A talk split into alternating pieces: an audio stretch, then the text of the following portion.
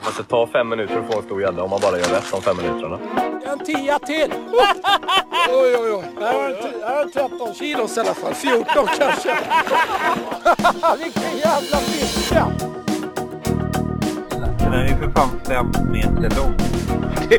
är det största jag någonsin har sett. Bra teamwork där Gunnarsson du! Jag fick inte upp jag bara passade mig. Jag fick ju böja hela huvudet när jag tog den här.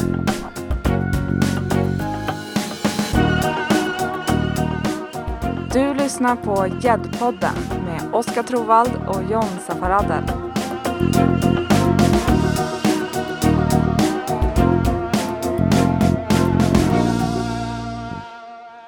Kräng på dig din fula, illaluktande flytoverall och när flötet dyker, glöm inte att suga i dig minst två röda prins innan du sätter mothugget. Och kryp in under hartoppen när det blåser kallt. Välkomna till Gäddpodden.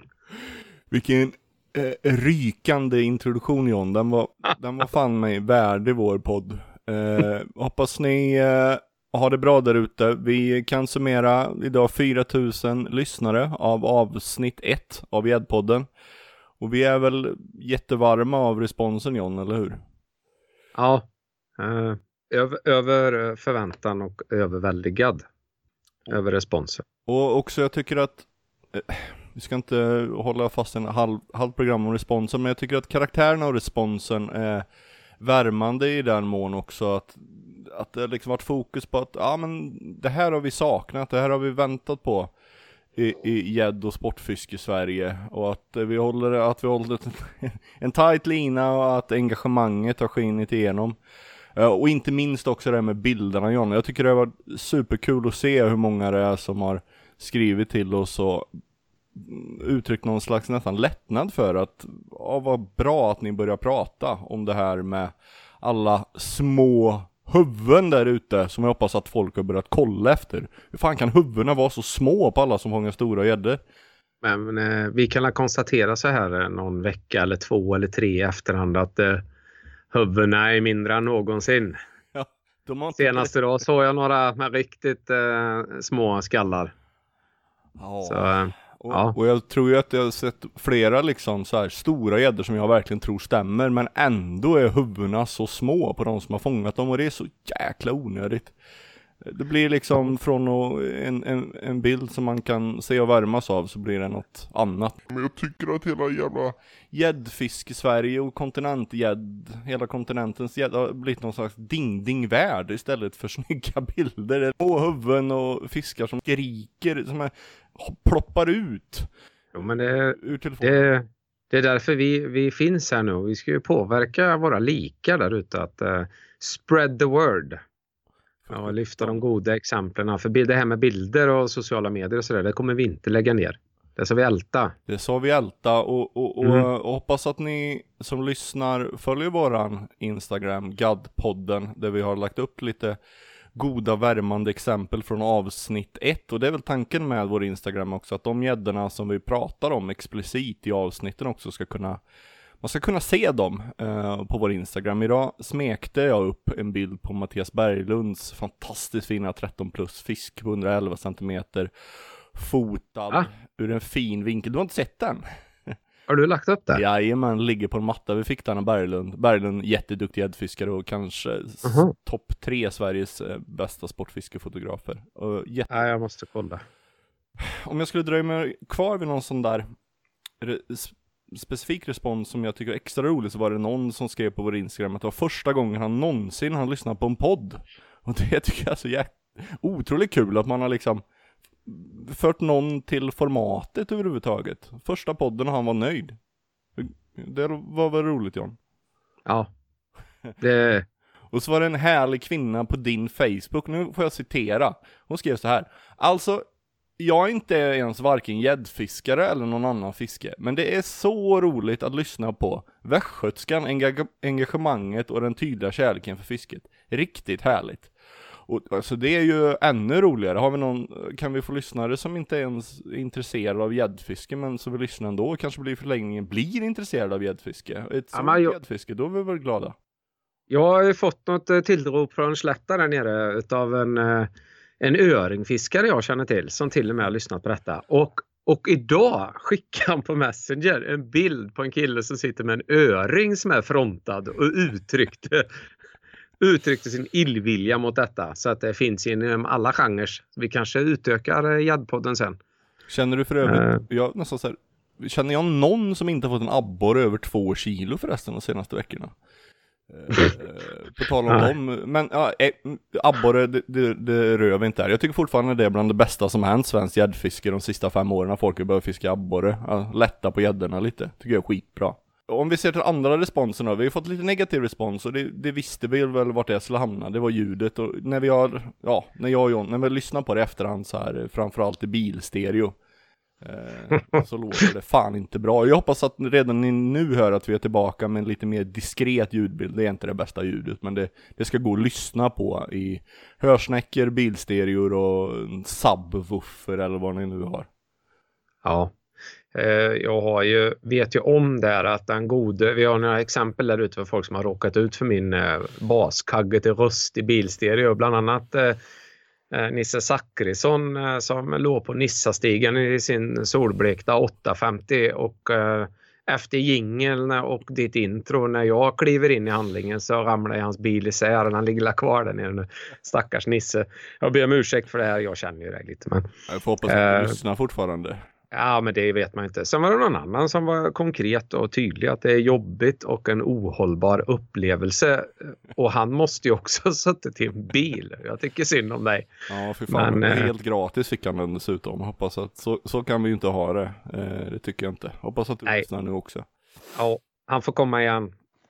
Definitivt. Och vi vill också såklart här nu då tacka alla som var med och dela och pusha för eh, podden. Eh, så att ni där ute fick upptäcka den. Fischecko, Jano, Sportfiskarna och tack Emma. Eh, eh, Magnus och Staffan på Vildmarken, eh, tidningen där. Och sen vill jag även passa på att tacka mina polare på Firefly Entertainment som numera lånar ut sin studio till mig.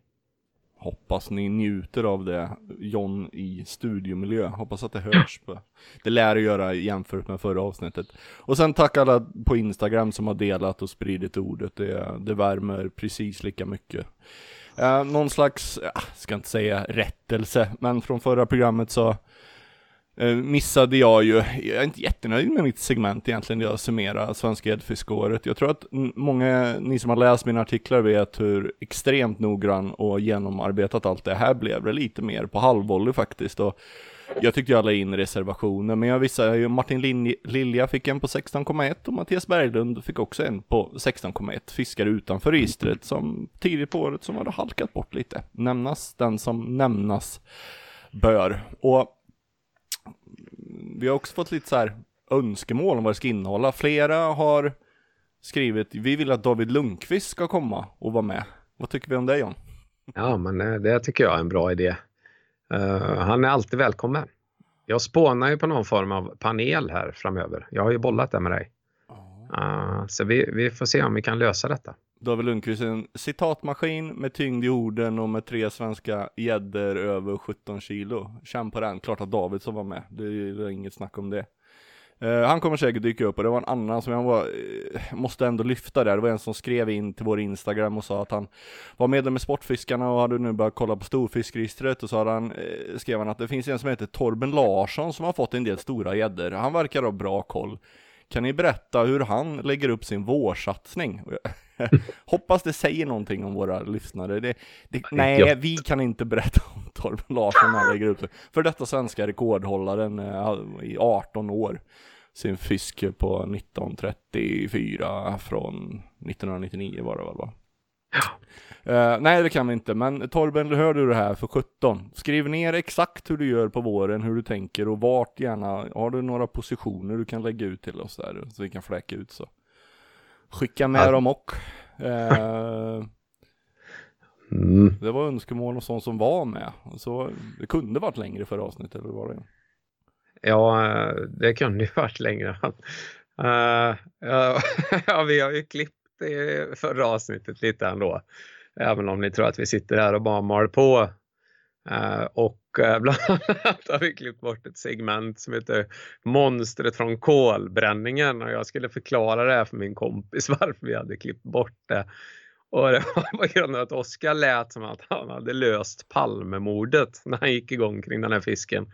Det är en stadig monolog alla 10-15 minuter om en gädda på 17 kilo från ett potentate-vatten i, i Borås 1989. Och jag, jag tycker ändå att det här är vår grej i Gäddpodden. Men, men eh, i första avsnittet gå in med det här dödande slaget. Nej, jag, jag tror vi enades om det att vi, vi sparar monstret från kolbränningen. Ja, Men just det där att Oskar reagerar inte ens när han går igång. Han andas inte. Han, han är Jan Stocklassa i, i Palmemords eh, roteriet här. Ehm, Ja, jag tycker ändå att jag var med och tog initiativ till att det här skulle stekas, monster från kolbränningen, men eh, nog fan var en upptäckt. Det var, jag skrev en artikel i senaste Svensk Fiske där jag kunde publicera för första gången i nationell sportfiskemedia en bild på den här fantastiska fisken, eh, 17, var det 17, 8 någonting. Eh, en bortglömd fisk, monster men eh, vi ju kvar skiten. Vänta är lite, får jag bara fråga en sak? Ja. Var det inte så att fångstmannen drillade den i 45 minuter enligt utsago? Jajamän, men det tvivlar jag inte ett dugg på. Han eh, fiskade ju faktiskt efter regnbåge, det var ju ett regnbågsvatten, oansenligt. Ja. Nu har jag nästan, fan dratt nästan Ja, nej, nu, nu, nu börjar det ju. Vi Det har det. kvar skiten och kanske släpper det som extra material någon gång om någon vill det. Är det någon som vill höra det så kan ni skriva så kanske vi, kanske vi gör det. till. Nej, det är ingen som vill höra om kolbränningen. Eh, Ja. I övrigt alltså, det är ju vår nu, det är gäddsäsong och det händer en del ute i gädd-Sverige och gädd-Europa. Grattis till Buster, vi säger grattis till Oliver Beyers kompis. Det är roligt att en jättestor... eh, Heter han kompisen? Ja, men, nej men det var ju eh, alltså en 21 kilos fisk som vi nog eh, absolut tror på ner från kontinenten som, men det var ju, och det stod Oliver Beijer var en nyhet, men det var hans kompis som hade fått den. Det var, det var mest Oliver Beijer som fick cred. Men betet var ju kul ja. Ja, det, det, det såg jag direkt. Det går jag igång på. Jag ser ju att eh, eh, det är ju en salt och det är inte 19 salten där utan det är 14 centimeter. Eh, enda downsize-betet som har fungerat någonsin.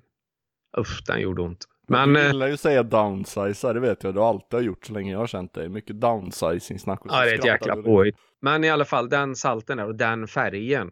Jag vill lämna detta därhän för att eh, framledes här i Gäddpodden så vi ofrånkomligen kommer diskutera salt. Eh, och, men vi kan väl säga att den färgen han fångar den på har jag också fångat en stor gädda på och jag döpte den till Hot Lips. Jag har ju läpp och grön rygg där.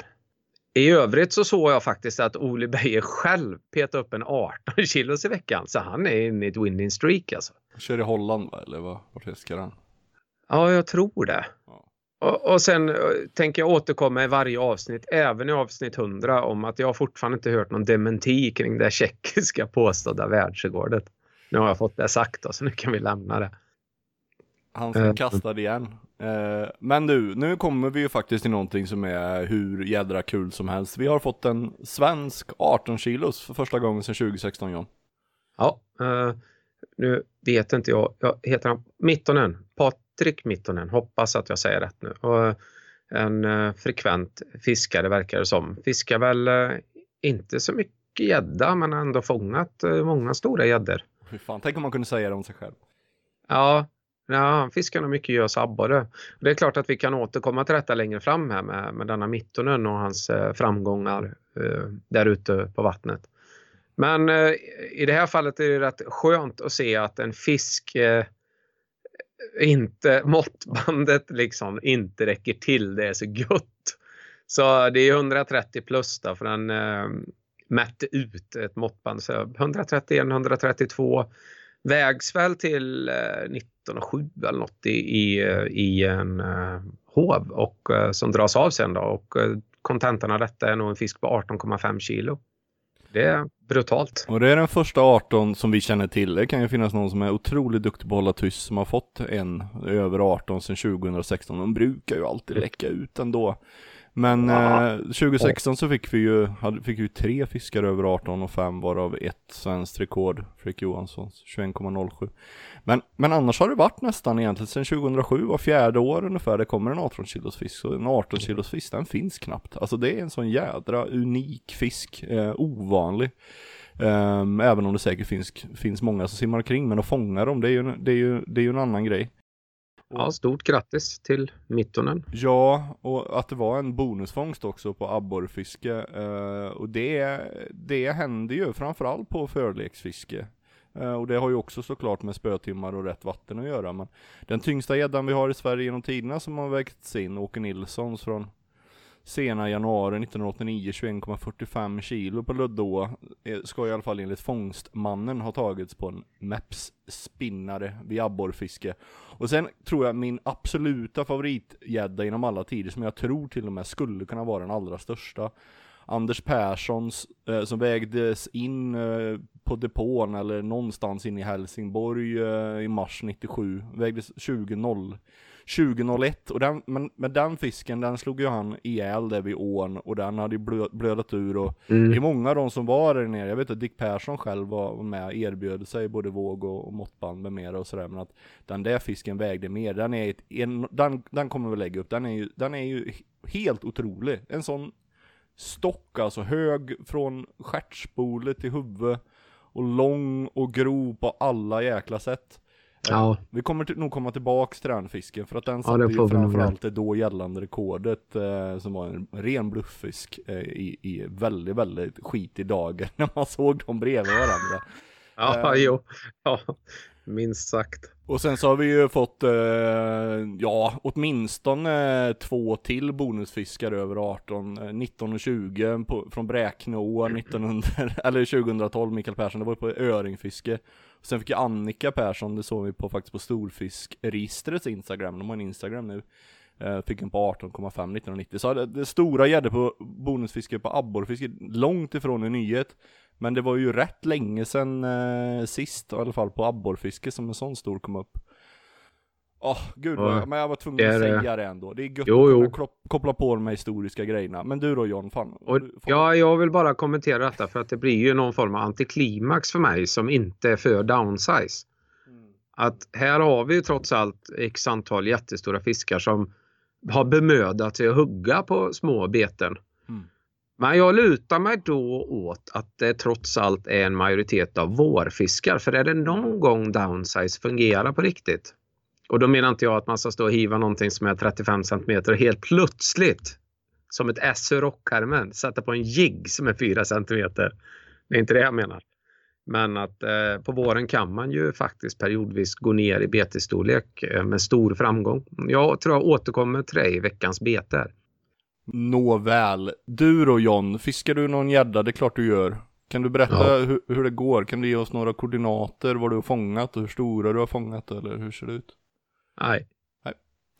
Jag fångar inget i alla fall, det lilla jag kan fiska. Jag har det jättetrögt. Men nu har jag äntligen, jag, jag vittjade mörtstugor i, i, igår John när vi skulle ha spelat in och jag hade fått några riktiga bitar med mig hem. Eh, så nu äntligen har jag lite luft under vingarna tycker jag. Fast det där är ju nästintill en eh, jämförbar tillfredsställelse.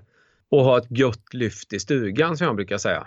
Eh, Nu har inte jag så eh, frekvent längre med mörtstuga. Jag brukar göra det bekvämt för mig och ha en kompis som jag kan låna mörtar av.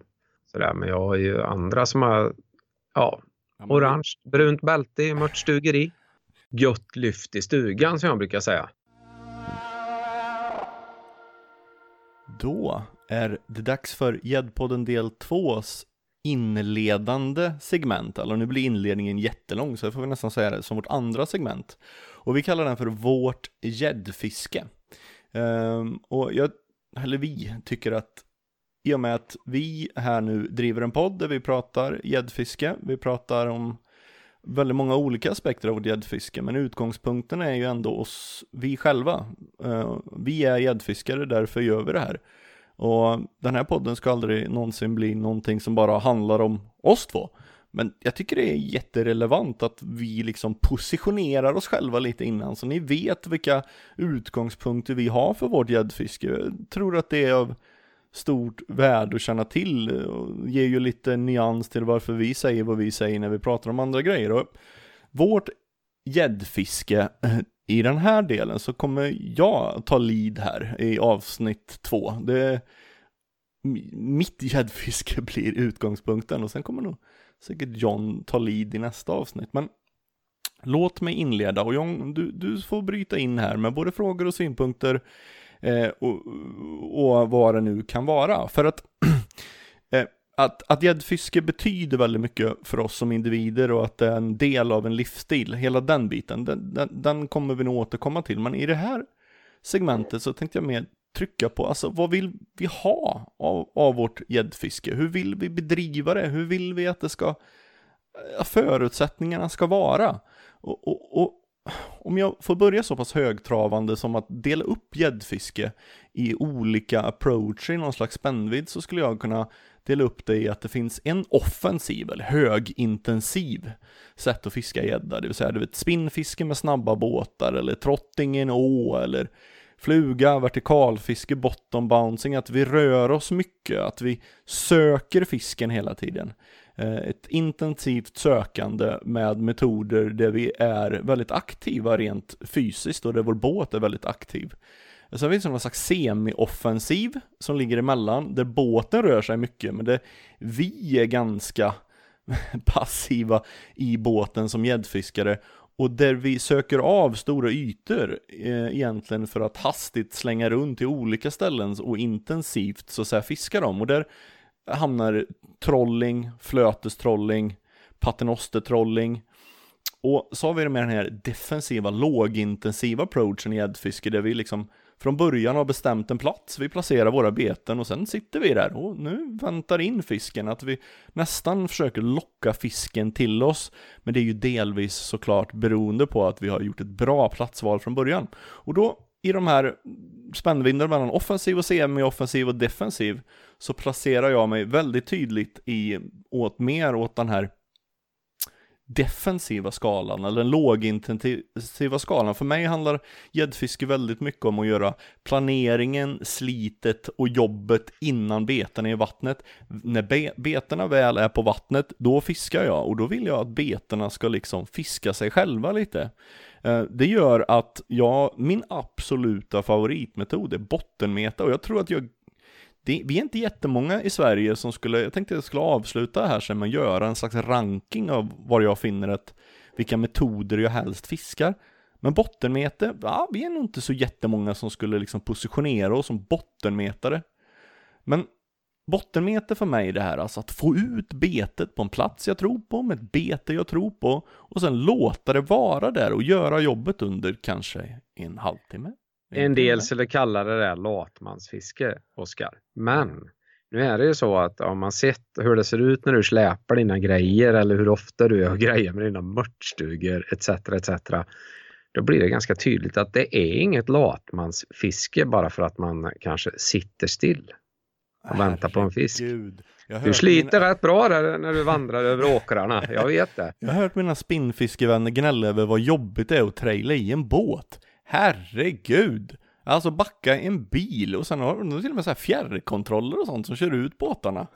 Sen, ah, skitsamma, nej men jag håller med. Alltså slitet när man väl fiskar, ofta när jag får in mina beten, då är jag ofta helt slut. Och jag har inget emot om att vänta på fisken en timme, för då kan jag sitta och då kan jag sova lite, ta det lugnt. Och allting eh, i, i mitt fiske, den här bottenmetes approachen bygger på en audiovisuell indikation, det vill säga att jag hör när det är en napp. Och där kan jag gå väldigt, väldigt långt för den perfekta indikationen. För då missar man få fiskar, man får få djupa krokningar och det var också en anledning till att jag faktiskt, jag älskar ismet en gång i tiden, men jag tycker och jag tycker alltjämt att indikationen den är för dålig. Alltså en, en ja, smällkork då kanske, om man nu vill köra med det. Jag ska inte gå in på det, men alltså jag, jag var med för många gånger själv och allt för många andra när bjällror som försvinner i vinden, vipper som man inte ser. För mig med en receiver runt halsen eller ett napplarm som är en halv meter från mig och jag har ett Delkim-larm, då vet jag, jag kan aldrig någonsin missa om någonting händer. Um, och, och, och, det kan ju många säga som, jag är, och jag är metare, jag är mer gäddmetare nästan än vad jag ser mig själv som gäddfiskare. Och för vissa eh, då, när jag säger samtidigt att jag gillar inte att glo på flöten, de kan ju bli jätteprovocerade nästan, som en gäddmetare, för det, det är ju för fan, det är ju det som är definitionen mer eller mindre av gäddmete. De sitter, sitta, i, sitta Lödde och kolla på flöte som flyttar sig ner meter för meter, stanna upp med fingret, flytta, flytta, flytta. Inget hugg, veva upp, äh, köra, ankra upp, eh, köra iväg båten igen, nästa plats. Släppa, släppa, släppa, släppa. Jag vill inte det, jag vill ha en plats och jag vill sitta och nöta den. Jag vill ge den två timmar, sen går jag vidare. Och det är just i det här också, det här helt tranquila lugnet. Att ligga där nästan halvsova, få det här signalen på larmet. Jag tror många det är som gillar ismet och få den här knallen eller vad det är. Gå från läge helt avslappnad till fullt påslag. Uh, och för mig också det här, veva upp och sätta krokarna med 12-fotan, det är hela grejen. Det här sexfotsspö, en sån här liten jerkpinne som du fiskar med John, lite ismetespö för mig att stå och latcha med de där. Nej, nej, ja, det, men jag, det, det har jag aldrig sagt att det är det roligaste, men jag har, ju, jag har ju riktiga grejer och det landar runt uh, nio fot. Nio men fot, ja. ja, det är med mest tryck i, skulle jag vilja säga. Uh, däremot så tycker jag så här, kan man göra ett fatalt misstag om man sitter där i sin stol när man väl lagt ut och bara väntar? Eller? Ska, vad, har du ingen så här äggklocka-variant att 20 minuter lägger jag om eller byter bete? Herregud, självklart har jag rota, olika rotationsscheman beroende på vatten. Rotationsscheman? Ja, men det beror också hur många swim man har. Det är det som är jobbigt i en å, liksom att du har du kanske har 10 swim eller 10 platser du skulle vilja fiska på en dag. Då är det jäkligt, det är tufft att ligga 8 timmar på samma plats, åka hem och blanka och veta att du var på fel plats. Därför får jag liksom, och det kommer jag komma till här när jag får välja mitt ultimata gäddfiske, hur det ser ut, den ultimata gäddan, ja men då är det inte sitta på nå, utan det är faktiskt, faktiskt något annat. Och en annan del för mig är att, och det kan tyckas kanske låta att de här lågintensiva skolan och den högintensiva skolan, skulle jag säga att den högintensiva skolan kanske har sin förebild i amerikanskt maskefiske, om man nu ser hur det ser ut lite i Sverige idag. Vi hade ju en egen spinnfisketradition som går långt bak i tiden, men att man flyttar sig mycket med båtar och det spinnfiske, medan det lågintensiva har mer av en en brittisk förankring och, och, jag gillar ju också hela den estetiken som är kopplad till den här brittiska förankringen. Alltså jag gillar att klä mig i eh, kammo, jag vill ha armékammo, jag vill smäl smälta in i naturen, jag vill inte synas, jag vill inte ha någon eh, cykeltröja och jag vill inte ha någon båt som syns. Jag vill liksom bara kunna mm, lägga mig där, sätta mig och känna att jag är ett med det här. Och jag skrev en artikel som jag tycker är min bästa som heter Gäddmetarens landskap och den i svensk fiske 20, nu ska jag försöka, till skillnad från John, veta exakt när det var, nummer 5 2018. Eh, eh, och man vill se ungefär, vi, vi, gjorde också en film med Sportfiskarna som heter Gäddmetarens landskap, finns på YouTube. Eh, där ser man ungefär vad mitt fiske är. Kolla upp den, den är faktiskt tycker jag riktigt bra. Inte en enda replik och det tycker jag också är skönt. Jag, jag tycker det är skönt ibland att se eh, sportfiskefilmer där sportfiskaren inte pratar utan man får njuta av naturen, spöföringen. Gäddor på nära håll, långsamma, ja, no, nog om det. Eh, men, men för mig är det liksom lika mycket egentligen en estetisk helhetsbild. Jag kan sitta och bara glo på mina spön i två timmar. Som, jag har bankstick som sitter väldigt fint placerade. Jag har likadana spön som rullar, likadan lina. Alltså bara det här estetiska, sitta och titta och känna att jag fiskar bra beten i vattnet och det här att jag har beten i hela tiden. Jag åker inte båt, jag har inte betena fastsatta i en, i en ring utan de är liksom alltid i. Jag tror ändå när du sitter och pratar om din passion här inom genren. Eh, en del där ute nu som lyssnar, de kommer inte förstå det här. Men det tror jag att det är viktigt ändå att försöka sätta sig in i vad du menar med den här passiviteten. Eh, jag kan se mycket av mitt eget gäddfiske och det gäddfisket jag kände till och kom in i eller blev upplärd i. Där fanns det faktiskt en viss form av eh, lågintensivt fiske fast vid spinnfiske exempelvis. I synnerhet på våren eh, förr i tiden eller den gamla skolan, några som jag umgås med, att man, man la verkligen ganska mycket tid på begränsade platser där man trodde att stora gäddor fanns, vilket kunde skörda oerhörda framgångar när man hittade rätt. Mm. Uh, och jag, jag har några exempel, men det här är inte mitt segment, jag ska inte bryta in för mycket. Men, men just att det här running and gunning fisket och användandet av elektronik för att scanna av en vik om det finns någon fisk eller inte.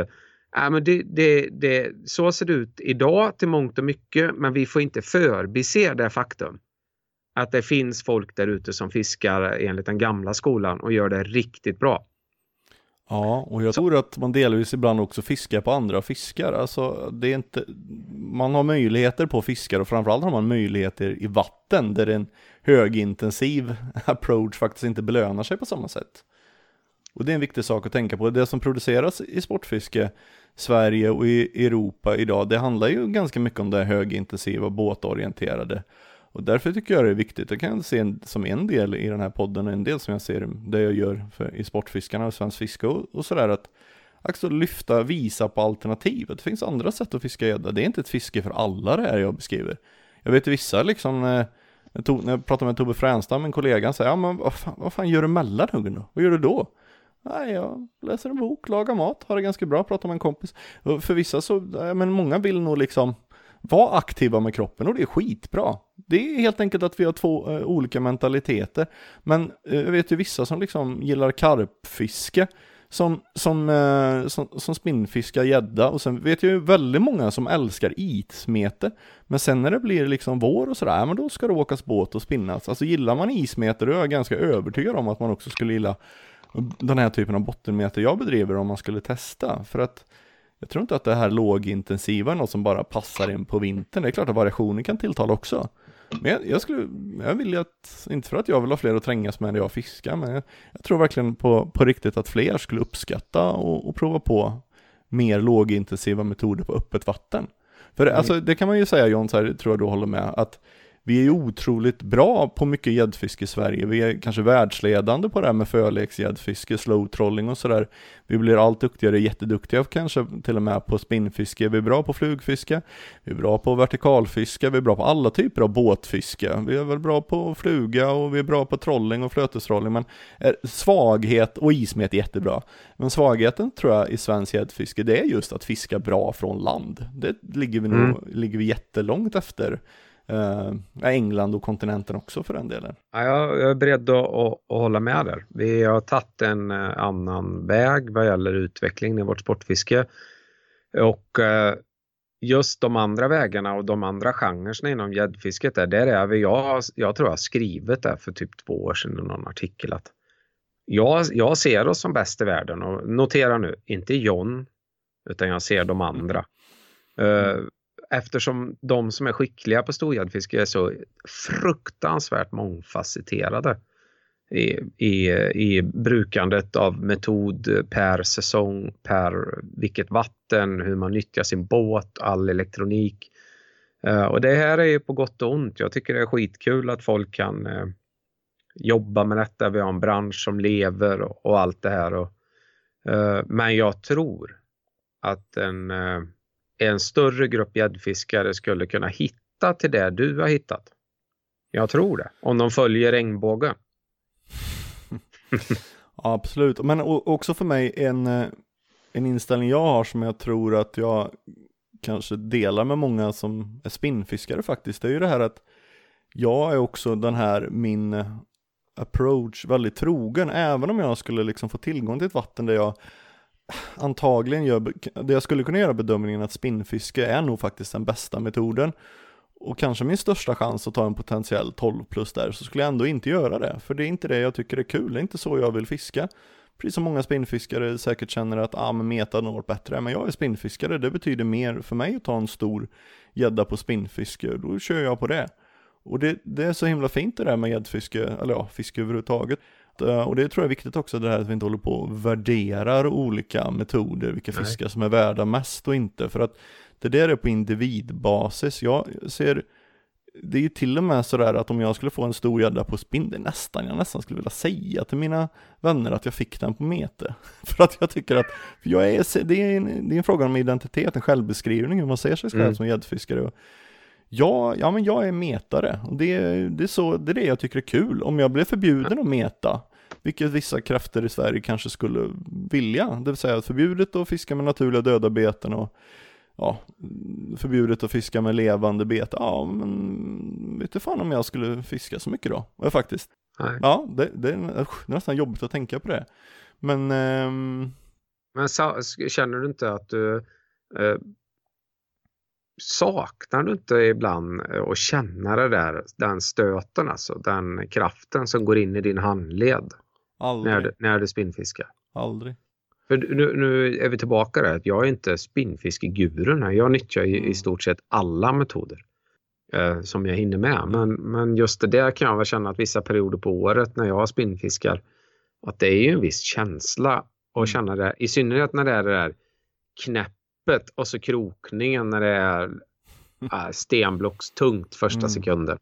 Jag har den djupaste respekten för att eh, majoriteten av alla svenska gäddfiskare just ser den där känslan, knycket och känslan direkt i handen som oslagbar. Men för mig, nej, ja, det, så är det inte för mig utan jag, ja, men jag ska faktiskt säga att jag alltid har med ett spinnspö. Eh, brukar ligga i holdallen och jag gör, brukar göra, ibland när metet är trögt så kan man ju faktiskt för att bara komma igång lite eh, med kroppen spinnfiska men också för att faktiskt kicka igång Fisket, du vet en, en av mina absoluta förebilder i svensk gäddfiske som jag tror är någon topp tre skickligaste vi har, Henrik Stale.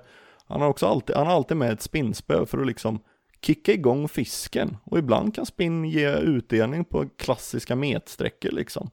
Eh, Så spinn är ju det är en fruktansvärt bra metod under rätt eh, förutsättningar men för mig när jag har med spinnspö då är det mest bara för att liksom göra reklam, alltså visa gäddorna fan nu finns det någonting, något, någon föda att söka här i närheten. Skulle jag få en stor fisk på spinn på de här få kasten jag gör varje gång skulle jag väl bli skitglad såklart men nej, jag har inte riktigt, inte, inte hamnat där. Det finns ju andra vägvinnande element i det här med metet.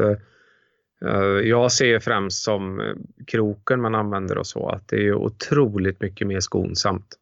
Så att det är tidigt mottog med sexer kanske. Vad använder du för någonting på en makrill? Tvåor? Fyror? Sexer? Nej, jag, jag hamnar ofta på sexer. Sexer eller fyror, använder nästan inget annat. Åttor kan jag till och med ha. Alltså eh, mitt brandtal för mervärdena med meter, det kommer jag komma tillbaks till. Det, det kan jag lova er. Eh, men låt mig gå vidare för att måla upp det här för er. Den ultimata fiskedagen för mig, hur den ser ut.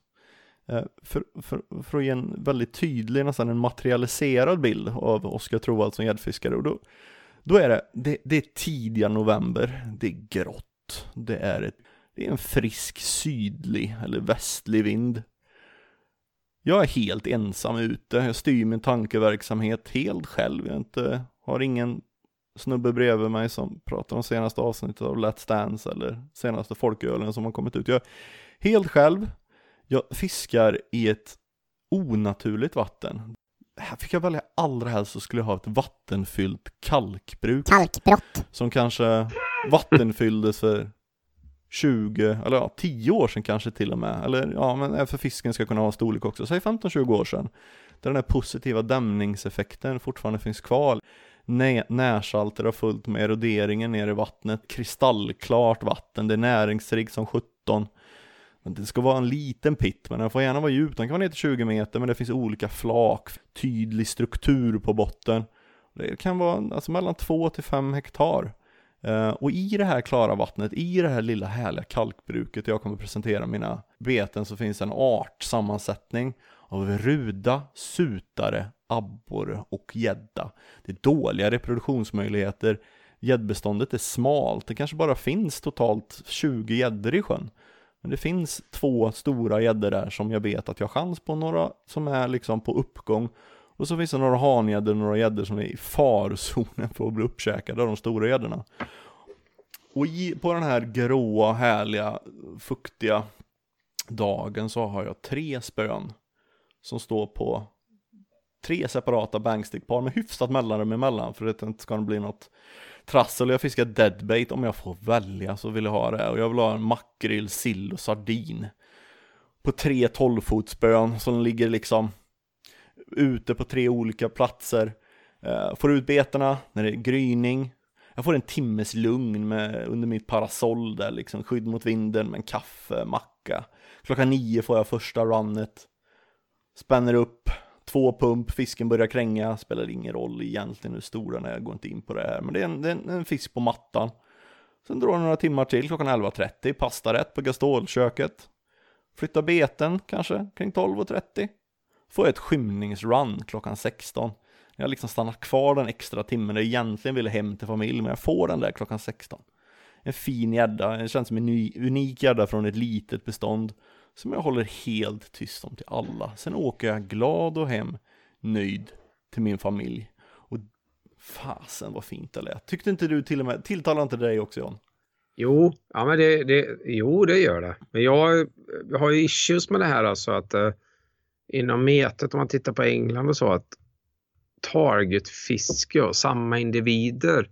Det här är fiskar som jag aldrig fiskat på. Ja, just det, men jag, jag vet det, Ingen men annan jag, tänk, jag tänker bara vidare nu hur det ser ut med de här småvattnena. Uh, ja, så att din, din fantasibild av ditt drömvatten kan jag köpa. Eh, men jag, jag är inte attraherad av, eh, av eh, själva, ja du vet det här med de här gäddorna som fångas eh, om och om igen som är riktigt stora som ändå mår bra liksom. Och det, det är väl bra men där har jag målat in mig lite ett hörn också. Jag gillar inte ens att se en människa när jag fiskar. Jag går igång lika mycket Mm. på att hitta ett vatten som att fånga en stor gädda. Men eh, på, från scratch när du målar upp din bild där och att det är ofiskat och det är ditt, ditt och, och sådär. Den, där köper jag. Och också det här att kunna liksom ha ett vatten som man ger en 5, 6, 7, 8 raka försök kanske under en säsong och fisk, kanske fångar en av de bättre fiskarna. Sen lämnar man det, kanske för alltid, eller återkommer om, om ett gäng år. Men just det här att nöta samma vatten år efter år efter år med samma fiskar upp, samma fiskar ner. Det dröjer ganska kort tid innan fiskarna, de gäddorna börjar tappa kondition och bli sämre. Att fiska på okrokade gäddor, det är det finaste gäddfisket som jag ser att man kan bedriva i känsla. Att fånga en okrokad fisk och sen fånga toppfisken och lämna den eh, levande och fin och sen går man vidare till nästa vatten. Jag Ja, ser ja. allt för många som jag känner som fiskar just när vi ändå är inne på det här, som fiskar små vatten och fortsätter och nöter på samma fiskar år efter år efter år. Det finns ställen där det här funkar, där fiskarna fortsätter att växa och ha det bra. Och det skrevs en jätteintressant artikel om det där i, i Fiskefeber bland de sista numren. där. Nere i Ängelholm har de ett karpsyndikat med gäddor. Mm. Men det går Ja, vi in just på en annan gång, men, men, men för det blir delvis en annan, en annan Mm. sak. Ja, men jag, jag har ju själv fått uppleva det där med, med vatten som har stagnerat och hemmavatten som har stagnerat som jag vårdade på mitt sätt. Och jag kallade det en strategisk eh, återhållsamhet. Att jag hade på kort tid kunnat fånga ännu fler stora gäddor men valde för att jag ville ha en långsiktighet i det att inte fiska vattnet så ofta. Jag var inte girig. Jag, jag lyckades förstå det och sansa mig eh, när jag väl hittade bra platser på det här vattnet att nej, spara det här nu. Jag körde någon gång på våren, sensommar och sen höst. Typ fem pass per år kanske. Mm. Eh, Men det var ju förgjort sen eftersom eh, andra började fiska och andra som fiskade nyttjade inte strategisk återhållsamhet utan den var mer eh, först till kvarn. Liksom. Tragedy of the common. Kalla det vad fan du vill. Eh, vattnet Mm. är inte vad det skulle vara och några som fiskade fortfarande eh, sitter i all sin Ja, jag vet inte om det är bara för att de inte ska behöva må dåligt, men att ah, men det är lika bra fortfarande och sådär. Nej. Nej, fiskarna kanske är lång, lika långa liksom, men de väger ju 3, 4, 5 kilo mindre. Så. Här kommer vi in på en, en väldigt viktig fråga inom ramen för storgäddfiske som vi definitivt kommer återkomma till. Men Ja. låt mig nu avsluta det här fina segmentet med att jag rangordnar när jag sitter och satt inför det här och gick igenom vilka, vilka metoder finns det att fiska gädda. Jag hittade i alla fall tio stycken man skulle kunna kalla huvudmetoder och så finns det underkategorier till spinnfiske så kan man säkert hitta massor men ändå jerkfiske, jiggfiske, popperfiske, bombardafiske, spinn med naturliga beten och sink and draw. Det är väl, det är väl några liksom bara. Men sen finns det ju andra, trolling, fluga, vertikalfiske, flötestrolling, flötmete, ismete, bottenmete, paternostertrolling och bottom bouncing. Det är väl några av dem som jag kan se som huvudmetoder för gäddafiske. Och flera av dem är säkert helt okända för vissa av er som lys- lyssnar. Men om jag skulle rangordna mina, mina topp fem favoritmetoder, vill du höra det John? Ja, kör, Ja. kör. Då på femte plats hamnar flötmete med drifter float. ett sånt där stort segel som tar vind och kan, man kan se på 100 meters avstånd. Inte vanligt flötemeter, men den typen av flötemeter är en fantastisk metod den kommer jag vilja prata mer om längre fram. Fyra, Plasttrolling. Det är den här mellantinget mellan, och då förläggstrolling, det här vackra fisket som du pratade om i förra, eh, det tycker jag faktiskt också. Att trolla salt eller Westins jätte eller en platypus där i en knop, det, det, det gillar jag. Alltså alla metoder där man kan fiska med fler spön samtidigt och det är liksom, det är lågintensiva, du kan ligga i båten och ha det rätt gött under tiden, jag gillar det. Metod 3, ismete. Ehm, med allt, eh, alla saker som är negativa kring det så är det fortfarande en fantastiskt mysig, trevlig metod. Det, där, och det vet jag ju, vi är ju ett ismeteland. Så många av er där ute som lyssnar på det här som älskar ismete. Fantastiskt fin metod, vi var inne på den, vi kunde säkert komma in på den varje avsnitt. Vi har ju ismeteskribenten här i andra änden. Metod 2. Flötestrolling med paravaner. Fantastiskt fin metod. Eh, som jag älskar att bedriva och nu har jag ju faktiskt till och med John beskrev mig som hopplöst efter rent tekniskt vad gäller båtfiske men nu har jag i alla fall en, en, en frontmontad eh, iPilot till min takbåt här nu så nu ska jag liksom kunna bedriva det här fisket på lite mer avslappnat sätt i år. Eh, det enda som är negativt med det här fisket det är att betesfiskens storlek har sån jädra betydelse framförallt på hösten. Jag tycker det är för stor betydelse. Och nummer ett, bottenmeter med deadbait. Bottenmeter med, med livebait ligger också där uppe. Men deadbaitet tycker jag är allra bäst att ha den där. När du får liksom signal på, på Delkim-larmet så är det fisk. Det är aldrig någonsin en betesfisk som sprattlar och lurar dig utan, uh, ja men det är ett vackert fiske. Um, det är min topp 5 John. Jag ser fram emot att höra din topp 5. Kanske redan i nästa avsnitt. Kanske redan i nästa avsnitt. Den kommer kanske se lite annorlunda ut. Jag ska hem och rannsaka mig inför det här uppdraget i så fall. Jättebra. Men det har i alla fall närmat er en liten mer, lite mer insyn och, och, kanske möjligen förståelse kring den ena delen av programledarparet, det vill säga Oskar. Um, ja, det blev ett ganska ja, långt segment. Ja, men det blev långt, men jag vill ändå upprepa för jag vet att den stora målgruppen här ute i podden sysslar inte med den här typen av fiske. Men om fisket fortsätter som det ser ut idag i Sverige. Fisketryck och sättet man bedriver det och alltihopa. Så lovar jag att några utav er där ute, om ni börjar känna lite på det här som Oskar har hittat nu, så kommer ni vara mer vägvinnande inom eh, ett decennium än vad de, eh, än, än det klientelet som jag själv tillhör då, eh, om man skulle sätta sig på andra sidan.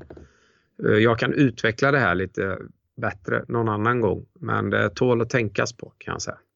Utan det kommer vi definitivt att återkomma till. Um, nog så. Dags för Johns dilemma.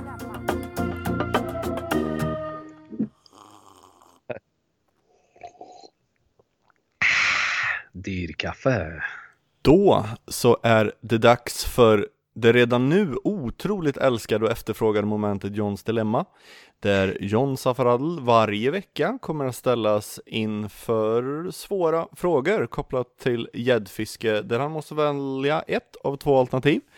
Det alternativet som kittlar mest, som tilltalar honom och som är hans naturliga val inom ramen för gäddfiske. Um, har du något du funderat på lite sen senaste avsnittet John? Ja, jag tyckte det var några frågor var lite slag under bältet och pressar mig oerhört. Jag känner mig nästan smutsig efter att ha gått den holmgången. Ja, Men idag är jag mentalt förberedd för att det blir tuffa frågor. Ja, du, du känner att du fattat nivån lite? Och ja. Det, ja, mm, då får vi se mm. om jag går ännu lägre under bältet, bara inte... Kan jag få läsa in mig på den här först? Nej, såklart är det så att John inte har fått se frågorna innan och han får, ska inte ha någon lång betänketid utan jag vill ha, som jag sa förra gången, ryggradsmässiga mm. och ärliga, uppriktiga svar. Um, yep. Ja, för 17. Och lite som förra gången eh, så är det lite enklare, kortare alternativsfrågor i början och sen så blir det lite mer eh, omfattande frågor längre ner. Fler ord per fråga i alla fall. Okej, okay. är du redo John? Japp. Vilka härliga ljud du gör. det rasar. Studion. Studion har ras. John Safraddels studiobygge av gamla dynor. Kanske inte var så gamla förresten. Kanske var Nu är jag med igen. Ja. Jag har byggt upp. Likväl.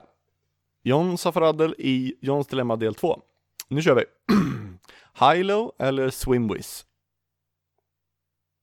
Swimwiz. Smack i backen eller en saltomoral på ytan? Smack i backen. Rygen eller Shoe Valley? Tjo-alli. Jag kan ju knappt uttala det för att jag satt så långt inne. Kajak eller takbåt? Takbåt. En stor jävla utö eller ett spinnerbait trimmat av Jonas Granberg? Det vill inte besudla Granberg men jag vill ändå fiska med utöt. Duvfjärden 1992 eller Eriksberg 1988? Duvfjärden 92.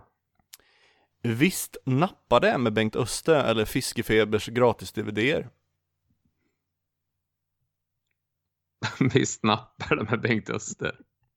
Bladkammo eller armékammo? Armékammo. En personlig kostnadsfri betesbyggare eller en snubbe som viger sitt liv åt att serva din båt helt gratis? Att ta båtbyggaren, eller vad säger jag, betesbyggaren. Du tog, det, okej, det överraskar mig. Ja.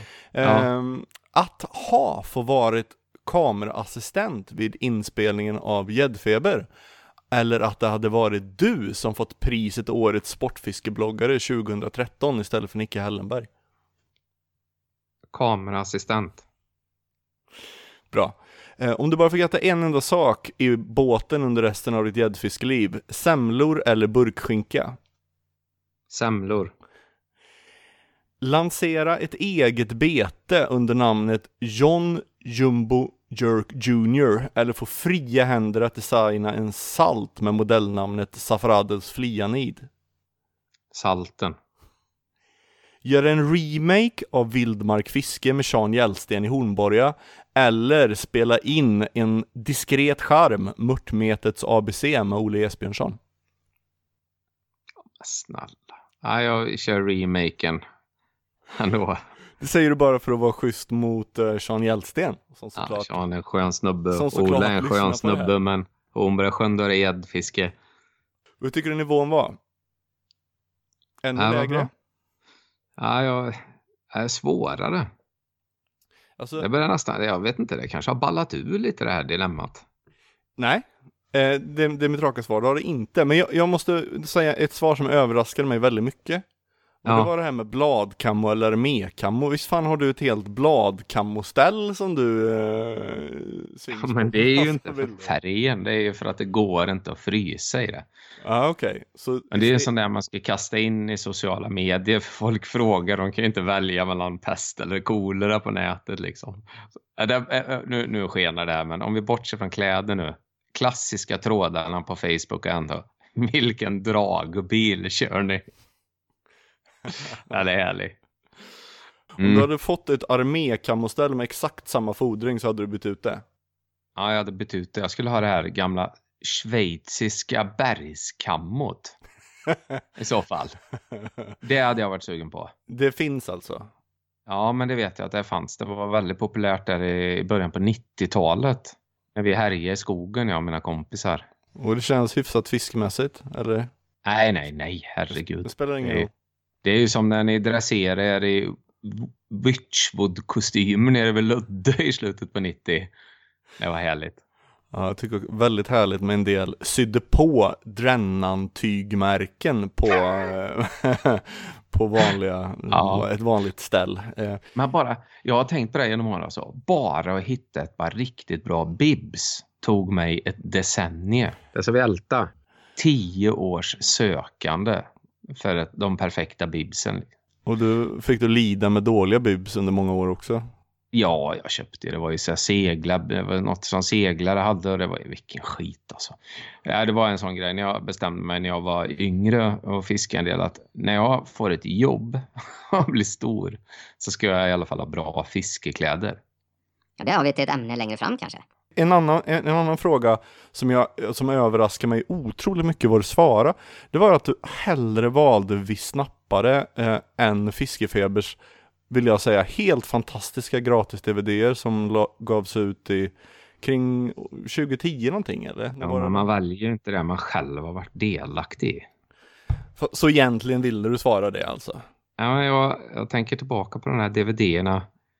Någon eller några där som var med när vi fiskade gäddor gick, det- gick det inte att höra vad vi sa. Jag för mig att vråla något. Man kunde höra något ord då och då. Men däremot så vet jag att vi gjorde en ismeter-DVD som var i mitt tycke helt okej. Ja, Mardrömmar med Ja, Fred- mardrömmar.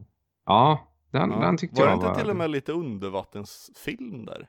Kan, ja, kan vara det. För er som inte vet vad vi alls pratar om nu, som möjligtvis är yngre, så är den nu nedlagda tidningen Fiskefeber under de åren när Jörgen Larsson var chefredaktör, så gav man ut, ska egentligen du berätta, men det här är mitt segment, så då, då berättar jag att ni gav ut DVD-er, jag vet inte om det var bara till prenumeranter eller även till lösnummerköpare. Ja, det satt inte den i. Det var alla inplastade Ja, tidningar. Visst sjutton var det det. Men för mig då, så de där filmerna betyder jättemycket. Jag köpte nästan tidningen för filmerna. Och att det var dåligt ljud och sådär, nu kanske jag låter som jag försvarar vår podd, men det, det sket jag rätt mycket i för att det var, det var någonting och det var ju då första gången som jag såg och hörde John också. Det var liksom, kändes som fan det här är fiske på riktigt, även om produktionerna säkert hade mer att önska. Just den här, jag skulle önska så att vi på Gäddpodden kunde fixa fram de här filmerna på något sätt. För att det är ju en film när du, David Lundqvist, Jocke Eriksson, Christer Lindström kan vara någon, någon mer, var ute och spinnfiska på en båt på någon stor sjö och man hörde inte ett jävla skit av vad ni sa men det var ett helt underbart avsnitt där du och David retades lite med varandra och du, du i ett avslutningssegment eh, sa till David, jag hoppas att vi fortfarande är vänner och så ställde du en fråga om vilket, vilken typ av vatten David ville ha, han ville liksom, han var, vilket typ av vatten vill du ha? Och så blev det liksom gnabb nästan av det också. Eh, Ja, ja, fantastiska ihåg filmer. Jan.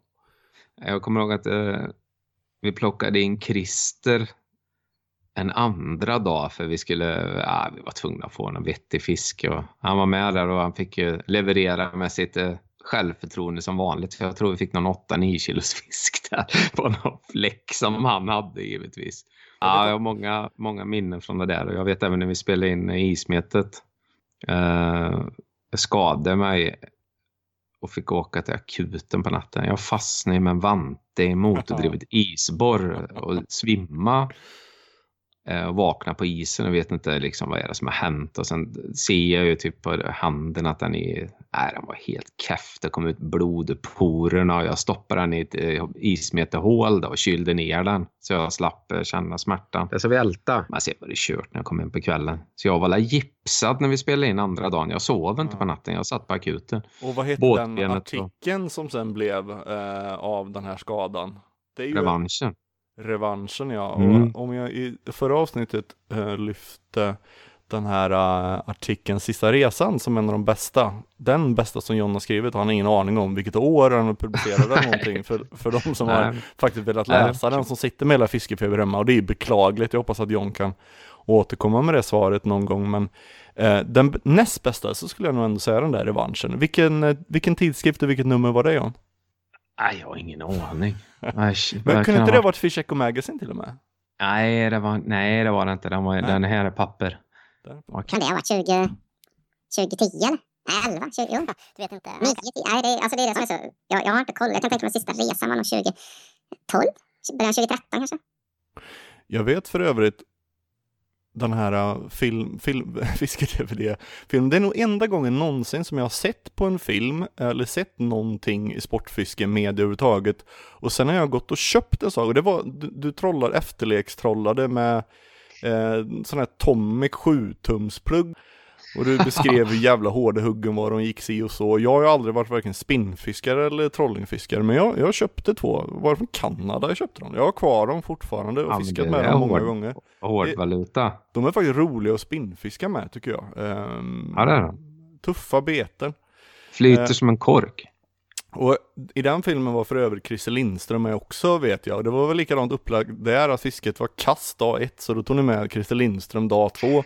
Och han står lite sådär, lite semi-självnöjt och sa att ni skulle skarva på fluorkarbon på flätlinan så skulle det nog gå hur jävla bra som helst. Vilket jävla skitsnack. Jag minns inte om du gjorde det, men, men Ja. eh, som sagt, ja, finns de där filmerna någonstans John? Kan vara på, det fanns det på Youtube tidigare, men kanske inte längre. Eh, jag, jag har för mig att jag skickade något klipp till Fredén på det här ismete, Mardrömmar eller vad han hette. Mm. Kalla mardrömmar. Den finns på Youtube uppladdad av någon. Eh, men jag, jag hittar den inte längre. Men jag har den på DVD. Jag, har, jag hittade den kartongen här, här. Det var nog förra veckan tror jag. Det. Eh, Det var ju massa andra DVD du vet. De köpte väl in material från utomlands också. Så det var lite annat. Men sen vet inte jag hur många jag gjorde. Tre, fyra stycken och sen såg jag att Håkan Fransson dök upp i någon. Jörgen. Larsson gjorde väl eh, gösfiske i någon. Ja, ja, han gjorde ju flera, de var ju väldigt Ja, ja. ambitiösa såklart eftersom det var Jörgen som gjorde dem. Jag vet han, det var mycket spinnfiske efter abborre med bland annat paternostertackel med en jigg som svävar lite förföriskt sådär. Det tyckte Ja. jag var Jag måste ändå tillägga där att han som filmade oss då. eh, Han hade ju inte de bästa förutsättningarna. Han var ju one man machinery. Men Peter Kristensen där är ju alltså riktigt jäkla duktig. Och jag vet att när han släppte den A Backyard in Nowhere när de är och fiskar gädda i Alaska. Mm. Om jag inte säger fel nu. Jag, jag tror det var Alaska. Den är riktigt bra. Det är bra fiskefilm. Mm. Eh, Bra tema, bra filmat. Eh, ja men det blev ju rejäla utflikningar kring det där. Men om, om nu han har glömt namnet, men Mr Salt, om han hör av sig och ber dig att designa en, en, en salt, Gäddpodden Salten, hade du sagt ja då? Ja, Mm? Fan vad kul. det tror jag. Om, om Sean Hjellsten liksom ringer upp dig efter det här avsnittet och säger fan vi gör det, vi gör det, vi gör en, vi gör en ny film i Hornborga, då gör du det? Ja, det gör jag också. Jag ringer ju Sean ibland bara för att höra hans ljuva stockholmska och nedlåtande eh, eh, ja, vad ska man säga? Han har ju alltid varit rätt elak mot mig. Han var det i den där produktionen också. Men vi, är- vi är fortfarande, vi är, ja men det var lite ironiskt. Vi är fortfarande goda vänner. Jag ringer honom ibland för att bolla grejer. För jag, det är väl för att jag inte förstår mig på Stockholm helt Nej. enkelt. Så måste jag Men- ringa honom. Men du känns ändå liten som hans bitch i den filmen. Ja, ja, jo, men det är... Och den filmen, eh, Vildmark fiske, eh, den finns att se på YouTube, så den tycker jag absolut ni ska söka på. Jag tycker fortfarande att det är en jättebra och trevlig fiskefilm och för en västgöte att se John och, Sean glida runt där bland gamla döda trän i det här spök. Ser ut som någon, något från sagan om ringen i något träsk där. Eh, ja, alla de fiskar i Hornborga. Det är faktiskt jättefin fiske-tv. miljöerna är ju, är ju, är ju fantastiska i, i Hornborgasjön. Svintuffa. Sen när jag ser den där, när jag kommer farande som min 245 där på gärdena och så s- kliver ut och har någon form av bylsig täckjacka och ryggsäck full med grejer och spö, fan spöskydd. Jag har inte ens haft, jag har strumpor har jag haft på, på spöna. Rod socks heter det väl. Eh, Men, men snälla, jag vill ju liksom åka tillbaka i tiden och ge mig en så här halvhård solar plexus knytnäve för att jag överhuvudtaget ser ut eh, som jag gör där med alla grejer. Och, Jag tycker att eh, det är nästan man skulle vilja göra ett helt avsnitt. Jag skulle vil- vilja veta så mycket just om den här Vildmarks fiskefilmen. Vad fan, varför blev det som det blev? Och Ja, vad det fan är fiskar ni havsöring för när ni åker upp? Det, det tycker jag ju känns jättebra. Och du är jättesugen också på det havsöringsfisket. Åh vad kul det ska bli. Obegripligt idag. Men eh, Ja. likväl, jag, jag ser det ändå som en gäddfilm och vill du tillägga något där Jan? Nej, jag, Nej. Jag, jag börjar flina mest när jag tänker på den idag. ett otroligt stark upplaga av Johns Dilemma, eh, även om han klagar lite svär- på segmentet så hoppas jag Ja. att det även kommer återkomma i avsnitt tre. Kanske att jag får hitta, hitta en liten ny edge och ingång i programmet då. Vi, vi, ehm, ja, vi får se det helt enkelt. Vi får kalla det Johns dilemma plus lite till. Jättebra, vilket Ja. genialt förslag. Mm. Jerkbait. Då närmar vi oss det avslutande segmentet på uh, Gäddpodden del 2, den omåttligt populära delen Veckans bete. Och, och ni som lyssnade på förra avsnittet vet ju att John pratade om Attitude Devil av Kjelle Lundberg. Och Kalle, den här härligt krullhårige stockholmaren som introducerar dig för Kjelle, han har hört av sig. Ja, han har hört av sig. 14 och 4 vägde Och i övrigt då, mindes du rätt? Hade han en hardtop? Han hade en hardtop. Han hade två tvåtaktare på. Hur var vädret? Ja, det är det som är lite jobbigt där. Att jag har ju bilder från den här dagen när det är strålande solsken och bilderna på Kalle med gäddan, då ser det mulet ut. Så jag skyller nog på att det där var någon form av eh, dis som försvann. Det är ganska vanligt på våren. Hade han krulligt hår? Ja, det hade han tror jag. Det jag hade monsterfel på var flytoverallen.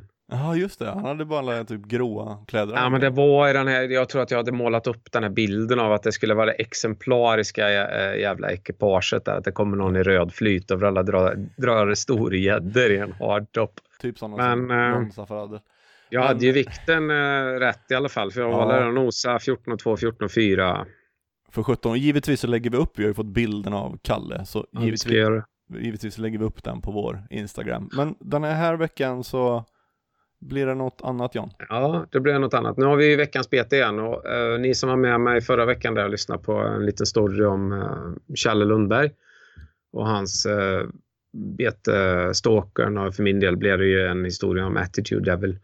Eh, jag har ju förstått att det, det, det, är inte 30 minuters segment där vi bryter ner betet i beståndsdelar om varför det är bra eller dåligt. Jag kommer ha en sån del givetvis varför jag tror att ett bete är bra eller dåligt. Utan det här handlar om att det är en story kring det. Det kan vara en historia från mig, eh, något jag upplevt med mina vänner eller dylikt. Då. Eh, jag har även sagt att det blir allt ifrån handgjorda skapelser till kommersiellt och idag har vi kommit till det enklaste av det enklaste i betesväg. Och eh, vi ska prata om Buster Jerk nämligen. Men jag kommer ändå inleda den här sekvensen med hur man kan formas som gäddfiskare i det här att det ska vara så jäkla svårt ibland. Och meckas och grejas. Och det var så här att eh, på slutet på mitten av 90-talet så när jag blev riktigt biten liksom i fisket och man började snegla mer på gädda då var det jag och min kompis Bacon. Och Bacon var lite så här händigare än mig också. Uh, och uh, vi läste ju det mesta där som fanns att läsa på 90-talet och kika i böcker och vi läste i tidningarna vad det var som krävdes för att fånga en storgädda. Och det blev ju krångligare och krångligare i betesväg där. Så det slutade ju med att eh, Bacon började såga och bända och vrida i, i beten för att få dem att funka i låg hastighet. Och experimentet med de här betena skedde i ett vatten som jag har kommit att hata, alltså välta, och det är Vingsjön i Axvall. Uh, den skänkte för övrigt mig min, min livs första storgädda på ismeter då, på lite över 9 kilo. Men, men det var där vi företog det här experimentet uh, för att uh, viga in oss själva i betesvärlden. Och uh, då var det så här att samma datum som jag fick den här på ismeter, fast året efter, det var den 17 januari, det kan ha varit 96, så sitter jag och Bacon i en sleten gammal kanot som har använts på sommarland i typ 20 år och paddlar. För jag har för övrigt varsin röd flytoverall på oss. Såklart. Så det, isfri vinter. Och det, det vill ju sig inte bättre då att eh, Bacon får ju en riktig drömfisk där i hans värld. En gädda på 8,5 kilo. Och den hugger på en swimwiz som han har sågat eh, sönder och preppat med bly och fått den att bli typ svävande. Och då var det så här, det, jag tänker bara på allt det här runt omkring. Man kände bara, men det är ju ingen idé att vi har andra grejer. Vi kan ju inte fiska med en vanlig rappala eller, eller hit och dit.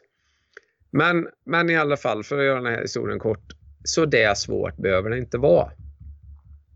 Och det finns ju givetvis eh, andra, ja, andra beten som dök upp sen, som sjunksalt och, och, och Westins jätte men eh, jag måste ändå eh, diskutera den här kommersiella succén som Buster Jerk är.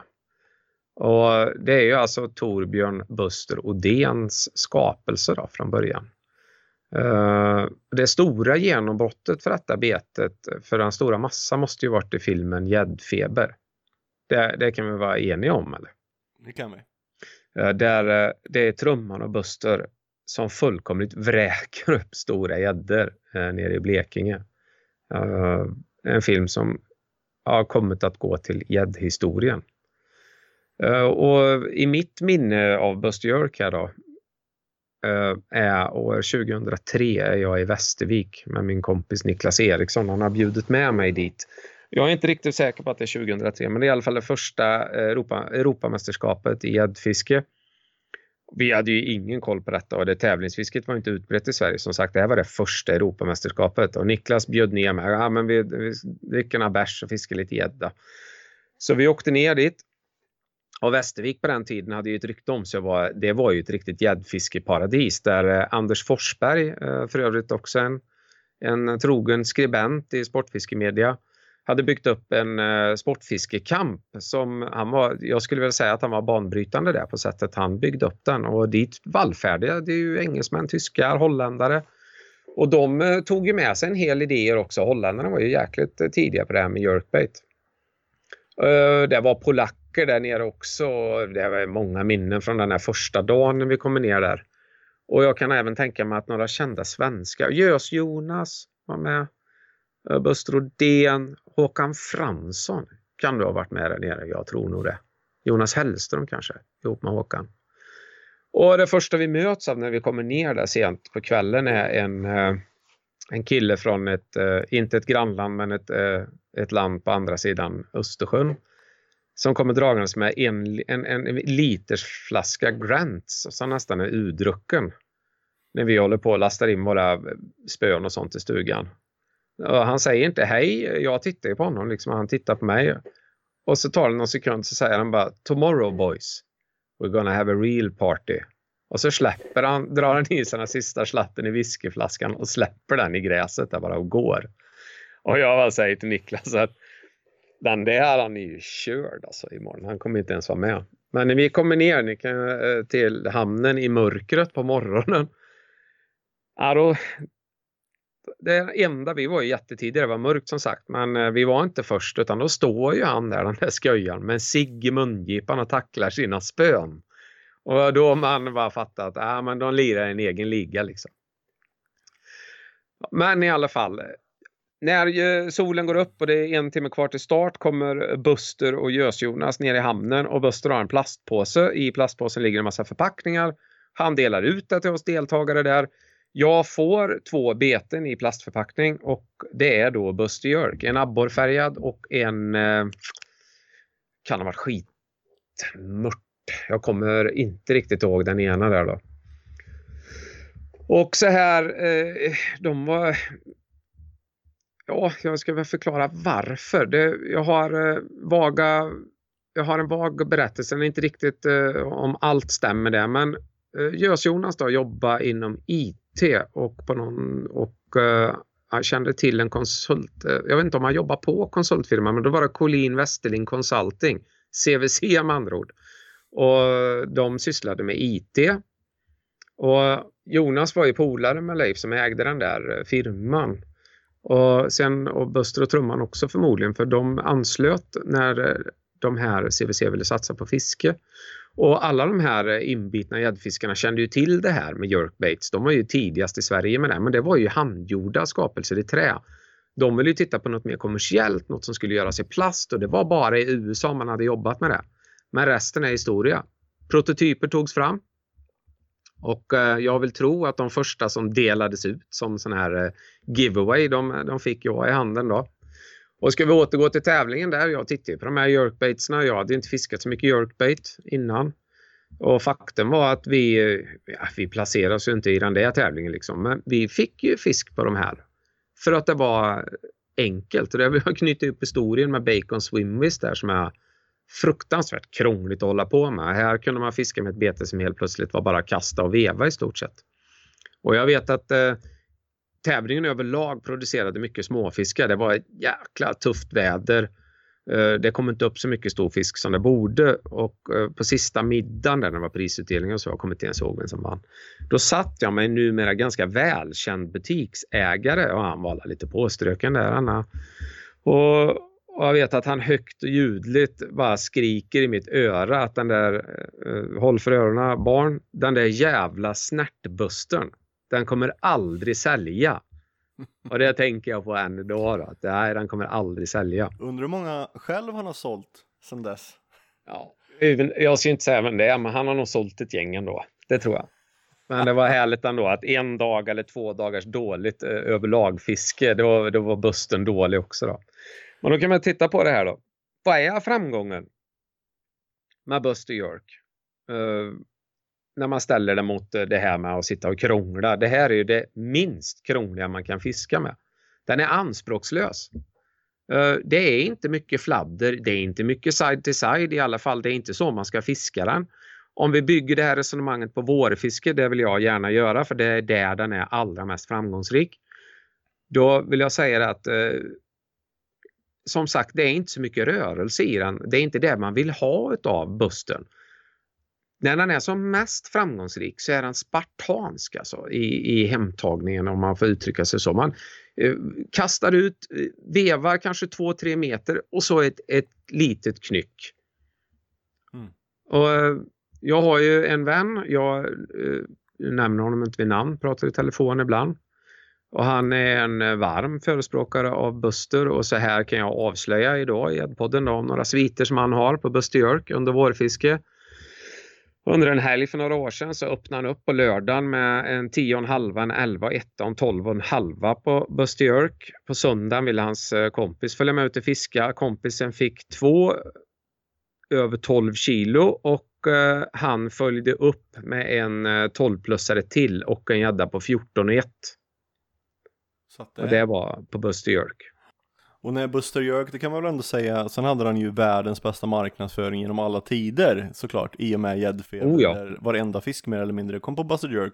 Ja. Det var väl här blev det folkliga eh, jerkbetet som också det är bara att gå eh, till Doggers butik i Norrtälje och se väggen de har där. De hade en med, Ja. med bilder bara på gäddor tagna på Buster Jerk. Liksom, och många är ju under de här årtalen, 2005, 6, 7, när skärgården kanske sjöng på sista versen och det kom liksom ja, fiska innanför tre meters kurvan, jerk, något de inte gäddorna sett innan.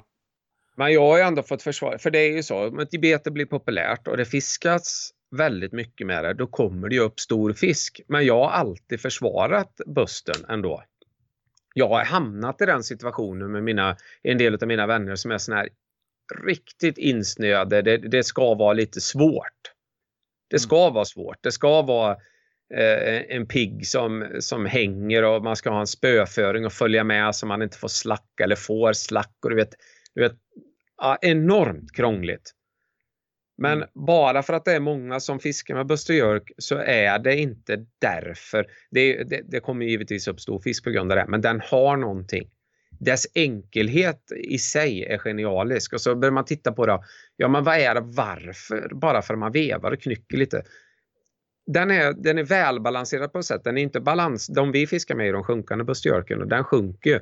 Men den vaggar lite när den sjunker. Det är inte så att han har det där lilla extra. Sen är det det här med rasselkulor. Och jag vet inte, jag kan ju, kanske ljuger mitt eh, eh, gråsprängda skägg av mig nu när jag säger att de sjunkande besök jag använder, alla de har någon form av rassel i sig. Eh, och jag har ju mestadels bara gamla. Då. Det kan också vara en grej och nu är, det, är vi tillbaka på det här att relatera till våren. Uh, och skulle ni ställa frågan till mig, ja, men använder du den på hösten också? Ja, men det skulle jag kunna göra, men det skulle absolut inte vara lika vägvinnande. Jag kan ställa upp en räcka andra beten eh, för höstfiske som jag skulle föredra. Och det är jag personligen. Det har fångats rätt stor fisk under höst på, på Buster också, över 17 kilo.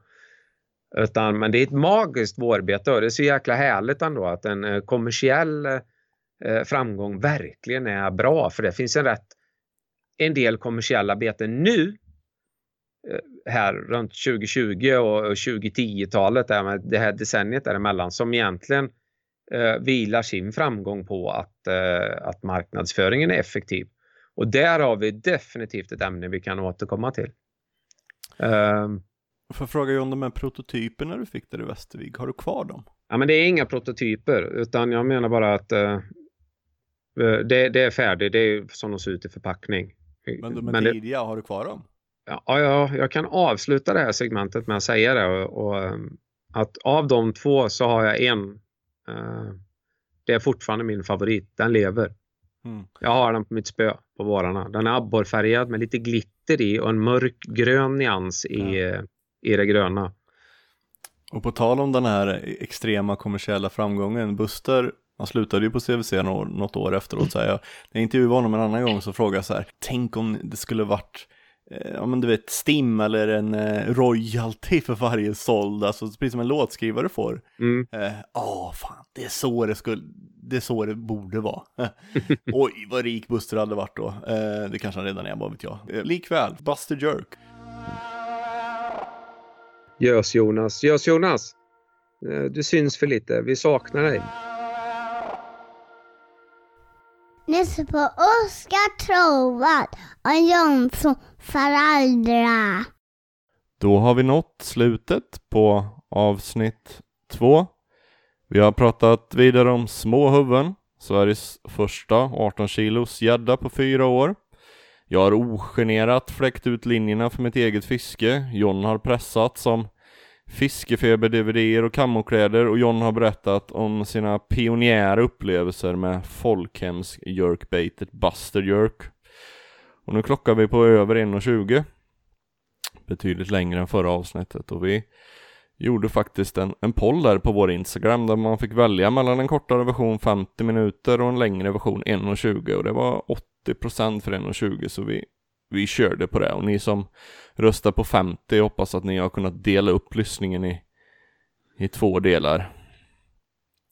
Och eh, kan väl säga en extra gång där, hitta till vår Instagram, Gadpodden. Eh, där kommer vi köra en hel del polls också för att ja, men skaffa oss lite bättre kunskap om våra lyssnares gäddfiskevanor. Och ni får också gärna inboxa frågor.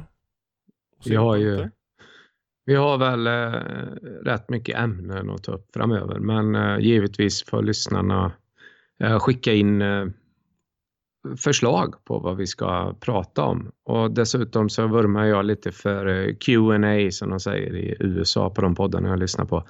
Frågor och svar.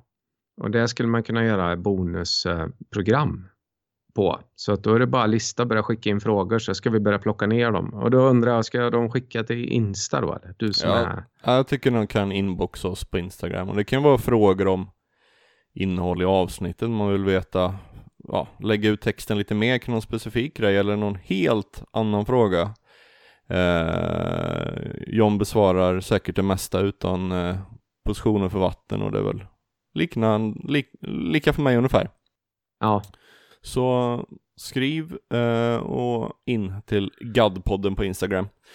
Eh, I övrigt så när jag har lyssnat igenom det vi spelat in här idag så är det bedrövligt att höra hur mycket liksom jag säger. Jag har ju pratat ganska mycket i det här avsnittet och jag håller på med liksom hela tiden. Tycker i övrigt att jag är ganska verserad och har ett välvårdat språk, men det är bedrövligt. Jag ber om ursäkt för det.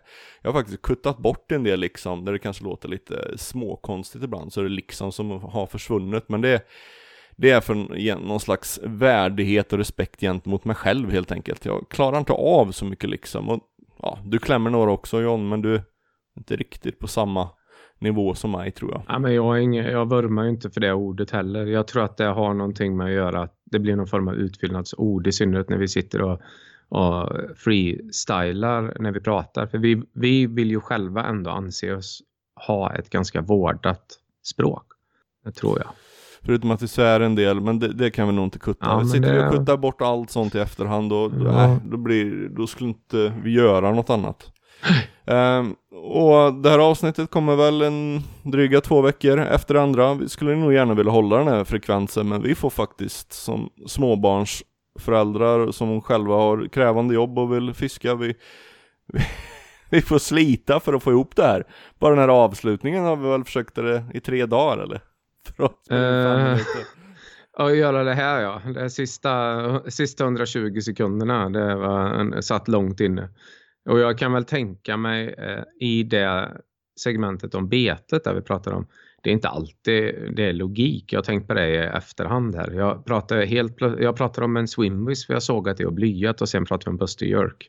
Men jag tror att de flesta av er förstår poängen med det. Att det inte alltid behöver vara eh, så jäkla svårt i betesväg. Men samtidigt så vill man ju inte ta bort den inspirationen som folk har att börja peta och greja och, och vara finurlig. För det går att göra med moderna beten också. Det var ingenting som man bara gjorde för 20 år sedan. Nu är utbudet bättre men se till att såga och flytta öglor och ja, etc. Det är sånt här vi kommer ta upp framledes också vad gäller beten. Ja, bra. Uh, och i övrigt i visdomsordsväg så kan vi väl knyta an till inledningen att det är bra att ni kryper in där under hartoppen när det blåser. Har du något mer John du vill skicka med innan vi, av, innan vi säger farväl? Nej, jag hoppas väl att ni har uh, hyfsat fiske ändå. Jag tycker att uh, våren hittills uh, har varit klurig måste jag säga. Klurigare än på många år.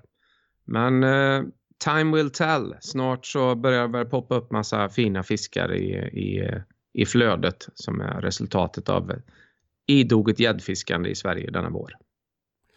Och låt gärna gäddorna vila lite så här efter leken om den har skett hos er och gå på det senare. Eh, bonka någon gös eller fiska någon abborre under tiden. det kan man också göra. So long. See you.